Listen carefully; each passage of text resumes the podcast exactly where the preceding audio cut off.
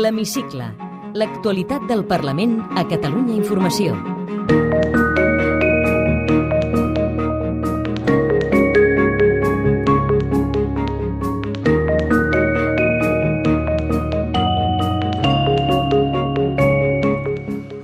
Nou pols de l'independentisme al Tribunal Constitucional. En plena ressaca de les eleccions al Congrés, Junts per Catalunya, Esquerra Republicana i la CUP han aprovat al ple del Parlament d'aquesta setmana una resolució defensant el dret a l'autodeterminació. El debat, inevitablement, ha estat polèmic. Hi ha hagut un avançament del ple per intentar discutir la moció abans que el Tribunal Constitucional acceptés el recurs del govern espanyol i la suspengués. El desenllaç ha estat gairebé de fotofinish. El Parlament ha votat 3 minuts abans que l'alt tribunal notifiqués a la cambra la suspensió del text. Tot i això, hi ha hagut una conseqüència directa. La Fiscalia ha començat a investigar si la mesa ha comès un delicte. En plena celebració del ple s'ha assegut també el preacord entre el PSOE i Unides Podem per un govern de coalició, un fet que ha tingut impacte directe en la sessió de control al president de la Generalitat. En canvi, els partits independentistes han evitat que Quim Torra comparegués en aquest mateix ple per la seva suposada vinculació amb els CDRs detinguts. Benvinguts a l'hemicicle. L'Hemicicle.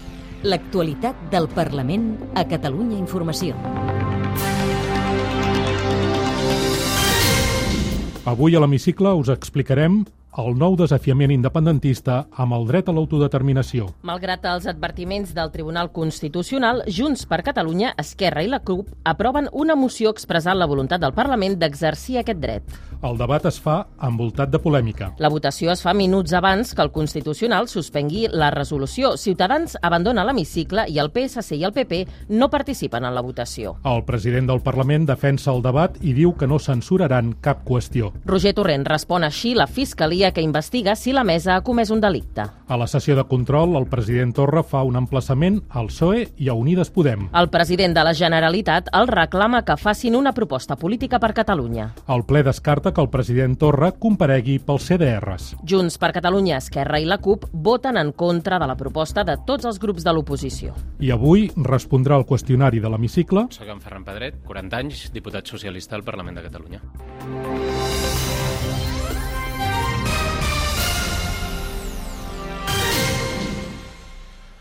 El ple d'aquesta setmana estava convocat per dimarts a les 3 de la tarda, amb un punt estrella a l'ordre del dia. Una moció de la CUP expressant la voluntat del Parlament d'exercir de forma concreta el dret a l'autodeterminació i de respectar la voluntat del poble català. Dilluns, a última hora, però, la presidència de la cambra comunicava que el ple s'avançava a les 9 del matí de dimarts. Per què? Doncs per poder debatre aquesta moció abans de la reunió del plenari del Tribunal Constitucional, on s'admetria a tràmit un recurs del govern espanyol sobre aquesta resolució. Això automàticament implicava la seva suspensió. Ho repassem amb Àngels López. El ple arrenca a les 9 del matí amb una alteració de l'ordre del dia a petició d'Esquerra perquè la moció de la CUP es debati com a primer punt. El plenari del Tribunal Constitucional està previst per a dos quarts de deu. Ciutadans, el PSC i el PP s'hi oposen perquè ho consideren una maniobra per burlar l'alt tribunal. Les protestes, però, no prosperen i comença el debat. La copaire Maria Sirvent defensa el text. Davant de la seva censura, reiterem i reiterarem la nostra voluntat d'exercir el dret a l'autodeterminació. Reiterem i reiterarem tantes vegades com vulguem que la sobirania rau en el poble català. I sí, en el poble català com a subjecte constituent. Lorena Roldán de Ciutadans y Alejandro Fernández del Partido Popular se oposen. Esta película ya la hemos visto. Han cambiado los actores. Antes teníamos a la señora Furcadell y ahora tenemos al señor Turren. Pero la película es la misma, el argumento es el mismo y desgraciadamente el final va a ser el mismo también. Este debate es una auténtica pérdida de tiempo que desprestigia nuevamente este Parlamento. Sin épica alguna, aquí no hay ni heroicidad ni se avanza hacia la independencia, lo único que hay es lo de siempre pisotear los derechos y libertades de la oposición. El text de la CUP té una segona part en què, entre altres coses, es demana el cessament del conseller Buch, l'amnistia per als presos independentistes, la dissolució dels antiavalots dels Mossos, la suspensió dels desnonaments o la fi de les llistes d'espera. Junts per Catalunya i Esquerra s'hi oposen. Sentim Maria Sirvent de la CUP, Jordi Monell de Junts per Catalunya i Ernest Maragall d'Esquerra. Els hi diem ben clar, amb vosaltres no volem cap unitat prou aplicar polítiques antisocials, prou vendre's el país, prou seguir privatitzant. Tornem a ser amb una, amb una proposta reiterativa al mig d'altres que voldríem que sí, altres que no. En qualsevol cas, doncs, eh, votem que no en el conjunt. Una altra cosa és viure de l'expressió de desitjos i esperant que d'una manera més o menys miraculosa es facin realitat. I això és el que la seva moció d'avui fa evident el rellotge corre, acabat el debat, la moció s'ha de votar. Ciutadans pregunta si ha arribat alguna notificació del Constitucional i el president Roger Torrent assegura que no. La formació que lidera Lorena Roldán abandona l'hemicicle. El PSC i el PP no participen en la votació. El punt sobre l'autodeterminació s'aprova amb els vots dels tres grups independentistes. Els comuns s'abstenen. La resta de la moció es rebutja. La votació es fa tres minuts abans que arribi a la cambra la notificació del Constitucional suspensió suspenent la moció. La polèmica, però, no s'acaba aquí. La Fiscalia ha obert una investigació per determinar si la mesa ha comès un delicte de desobediència. Consideren que el Constitucional ja els havia advertit anteriorment. El president Torrent assegura que no acceptaran cap tipus de censura. Per més requeriments, per més amenaces i aquest cop per més querelles que hi hagin, nosaltres continuarem defensant la llibertat d'expressió i el dret a representació política al Parlament de Catalunya. La resolució, però, no surt publicada al butlletí oficial del Parlament. Tot aquest debat coincideix amb la reunió setmanal de govern, amb la qual cosa no hi ha cap representant de l'executiu a la cambra. La consellera de la presidència expressa el seu malestar. Una queixa del govern, una queixa formal, aquesta modificació de l'horari del plenari, considerem que és una manca de respecte institucional que no havia passat mai. La falta de diputats independentistes fa que la cambra aprovi una resolució del PSC contra la via unilateral. Enmig de tot aquest debat al Parlament arriba una notícia des de Madrid. El PSOE i Unides Podem arriben a un preacord per un govern de coalició. Pedro Sánchez i Pablo Iglesias firmen un document de 10 punts, el novè dels quals fa referència a Catalunya i defensa el diàleg dins de la legalitat. La sessió de control al president Quim Torra de dimecres queda marcada per aquesta informació. El president Torra aprofita la sessió de control per emplaçar el PSOE i Unides Podem a fer una proposta política per Catalunya. Assegura que la música del preacord no li sona bé. Jessica Albiach dels Comuns emplaça els independentistes a moure fitxa. Han de decidir si volen formar part d'aquesta nova etapa o si volen seguir en el bloqueig permanent. Han de decidir si volen seguir amb la política del zasca i del tuit o si volen moure's. Quina és la proposta d'aquest pacte de govern per Catalunya? Quina és?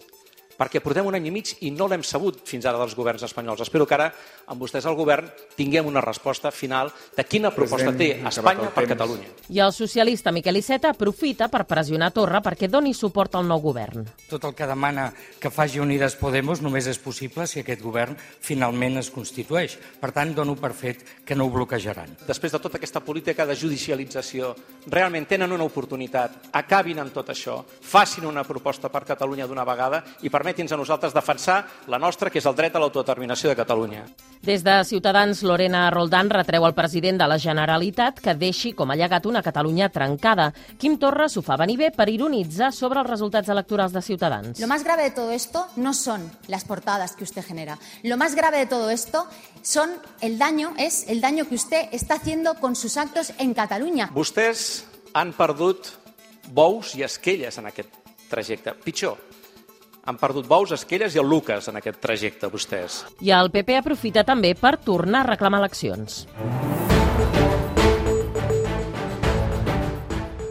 El ple ha tingut també altres punts polèmics. Tots els grups no independentistes han reclamat la compareixença en aquest mateix ple del president Torra per donar explicacions sobre la seva possible vinculació amb els CDRs detinguts. Ciutadans, el PSC, els Comuns i el PP asseguren que el president Torra, per sentit institucional, ha d'esvair qualsevol dubte. Sentim Susana Segovia dels Comuns i el popular Santi Rodríguez. Creiem que és una obligació del president de la Generalitat de Catalunya de venir aquí, en seu parlamentària, a donar explicacions, a explicar-se. Nosaltres creiem que aquesta petició de compareixença és una petició per sentit comú i per responsabilitat institucional. Creiem que és imprescindible que el president s'expliqui o ho desmenteixi i ho faci aquí, en seu parlamentària, en una sessió en la que digui, escolti'm, això no és veritat. Perquè si hi ha alguna de tot això que és veritat, també hauria de venir aquí a presentar immediatament la seva dimissió. Ernest Maragall d'Esquerra s'oposa amb contundència a la petició. El que vostès fan avui és la més explícita prostitució del concepte de control del govern i de la seva plasmació parlamentària. És simplement un pas més en l'operació acoso i derribo contra les institucions catalanes i contra l'independentisme com a projecte polític. Els tres grups independentistes hi voten en contra i la petició no prospera. Tampoc ha prosperat la petició de reprovació del conseller Buch, plantejada pels comuns per la gestió que va fer de la resposta a la sentència de l'1 d'octubre. Marc Parés dels Comuns argumenta els motius per demanar la reprovació. Per la mala gestió tant policial com comunicativa dels dies posteriors a la sentència. Per ser el responsable polític de l'ús de bales de goma a Catalunya aquests dies per no haver revertit ni tan sols haver reconegut els abusos policials que tots i totes hem vist. Ferran Roquer de Junts per Catalunya defensa l'operatiu i Carles Castillo del PSC considera que la moció és un error. Potser si el senyor Saura estés en el seu grup parlamentari no li hagués deixat demanar la dimissió del senyor Buch perquè ell sabria quin passi dona quan es gestiona el Departament d'Interior. No són conscients vostès, companys i companyes de comuns, que si el senyor Buch dimiteix, què és el que vol el president Torra i altres radicals independentistes, l'alternativa seria encara de la línia més dura i posaria encara més en tensió el cos de Mossos d'Esquadra? La moció ha tingut el suport dels comuns i la CUP, Ciutadans i el PP s'han abstingut i Junts per Catalunya, el PSC i Esquerra hi han votat en contra. Dins d'Esquerra, però, no hi ha hagut unanimitat. Una diputada ha donat suport a la reprovació i dos més s'han abstingut. Dues coses més. El Parlament redactarà una llei de l'esport a partir d'una ILP, una iniciativa legislativa popular impulsada per les federacions esportives catalanes i d'una proposició de llei presentada pels grups del govern i el PSC. El president de la UFEC, la Unió de Federacions Esportives de Catalunya, Gerard Esteve, ha presentat la ILP davant del ple. Cada euro invertit en l'esport representa 20 d'estalvi en sanitat. L'esport és probablement l'eina més potent de cohesió social per la integració i per la igualtat. El Parlament acollirà l'any que ve la cimera europea de l'Assemblea Parlamentària de la Francofonia. Ho han decidit a Suïssa a la trobada d'aquest organisme que plega una trentena de cambres legislatives i estatals. El president Roger Torrent ho valorava positivament. És un èxit eh, diplomàtic i, per tant, és un element capdalt per poder fer-nos sentir, per poder expressar la veu de Catalunya, per poder parlar de drets fonamentals, de parlamentarisme, per poder parlar, en definitiva, de valors eh, democràtics.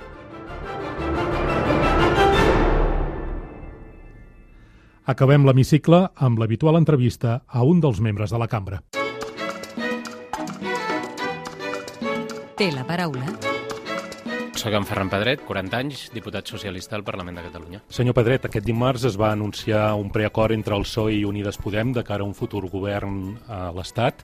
Calien unes segones eleccions per arribar fins aquí? Probablement no, i m'inclino a pensar que tots els actors han après dels errors comesos en els darrers mesos i també davant de les noves circumstàncies han intuït que era molt necessari que les forces progressistes s'entenguessin. Pedro Sánchez va dir de manera molt gràfica que no dormiria tranquil amb Unides Podem al govern. Què ha canviat? Jo crec que sobretot es referia, perquè vaig sentir l'entrevista, a que no estaria tranquil si determinats ministeris estessin gestionats per gent que no tenia cap experiència de govern. I per tant, jo crec que això com encara no coneixem quina és la configuració del govern, segurament no es pot dir que hagi canviat. És a dir, hi ha determinats ministeris que seria millor no confiar a algú que sigui la seva primera experiència de gestió. Aquest preacord planteja per a Catalunya diàleg dins de la Constitució. I això com s'ha d'interpretar? Doncs com crec que s'interpreten la majoria d'estats democràtics, per no dir tots, tots els partits polítics, tots els actors polítics i socials, especialment els poders públics, s'han de considerar sotmesos a l'ordenament jurídic. Ningú es pot considerar al marge o fora de les obligacions que li imposa l'ordenament jurídic. Un cop passades les eleccions, ja és possible recuperar el diàleg entre els dos governs, entre el govern de la Generalitat i el govern de l'Estat? Jo crec que interlocució entre els governs eh, n'hi ha hagut eh, fins i tot quan es deia que no. I el que crec és que seria bo que, així com tímidament es va començar a desbloquejar la situació dels molts organismes bilaterals, comissions mixtes, que hi ha previstos en l'Estatut entre l'Estat i la Generalitat, doncs això tingués una continuïtat. I Pedro Sánchez li ha d'agafar el telèfon a Quim Torra? Jo crec que estem donant-li moltes voltes a, a una qüestió que, que segurament s'hauria de resoldre d'una altra manera. El que s'ha demanat al senyor Torra és que dialogui amb les forces polítiques catalanes a l'hora de plantejar el que hagi de plantejar en un futur govern d'Espanya quan es superi la investidura.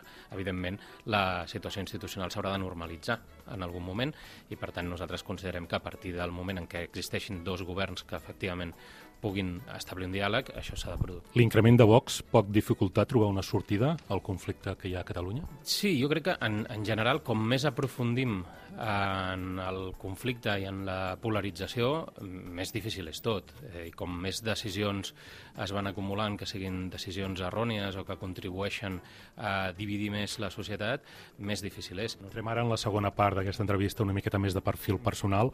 Respongui'm, si plau amb una paraula o una frase a aquestes qüestions amb la crisi climàtica cal? Una acció contundent i decidida i segurament a una escala fins ara eh, desconeguda. És a dir, calen mecanismes de governança mundial eh, per combatre la crisi del canvi climàtic. La pobresa energètica és? Una vulneració de drets. Vostè, senyor Pedret, com a diputat, quina llei li agradaria aprovar?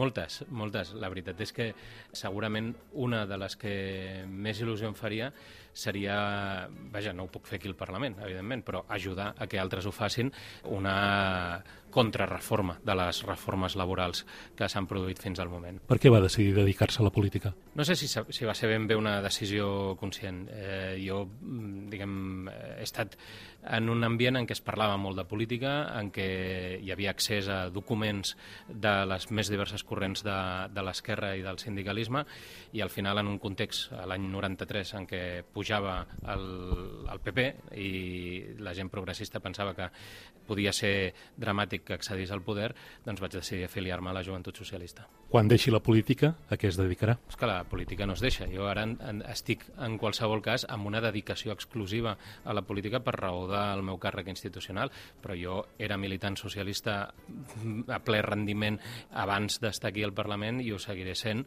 mentre eh, tingui un alè de vida. Té una vocació frustrada? Sí, eh, em diuen que de petit jo pretenia ser pastisser i pintor, totes dues coses, i crec que no m'han acabat de sortir, especialment de la segona. Té mútua o vol la salut pública? No, no, jo vaig a la salut pública. Pis de lloguer o de propietat? Fins ara de lloguer i des de fa relativament poc de propietat. Una música que l'identifiqui? Escolto molts tipus de música, però el que més he escoltat sempre és el heavy metal, el, el rock dur. Un paisatge que li agradi? A mi m'agraden els paisatges eh, nòrdics, eh, aquests paisatges que un sembla que el món s'acabi, que, que tenen aquesta cosa boirosa, no? Tinc una certa atracció per aquests paisatges. Quin és l'estil literari que més li agrada? Bé, doncs llegeixo de tot. Darrerament molt més assaig, potser del que seria bo per la salut mental de ningú, però el, diguem, la cosa que potser crida més l'atenció és que sóc bastant aficionat a la ciència-ficció. Amb què es posa content?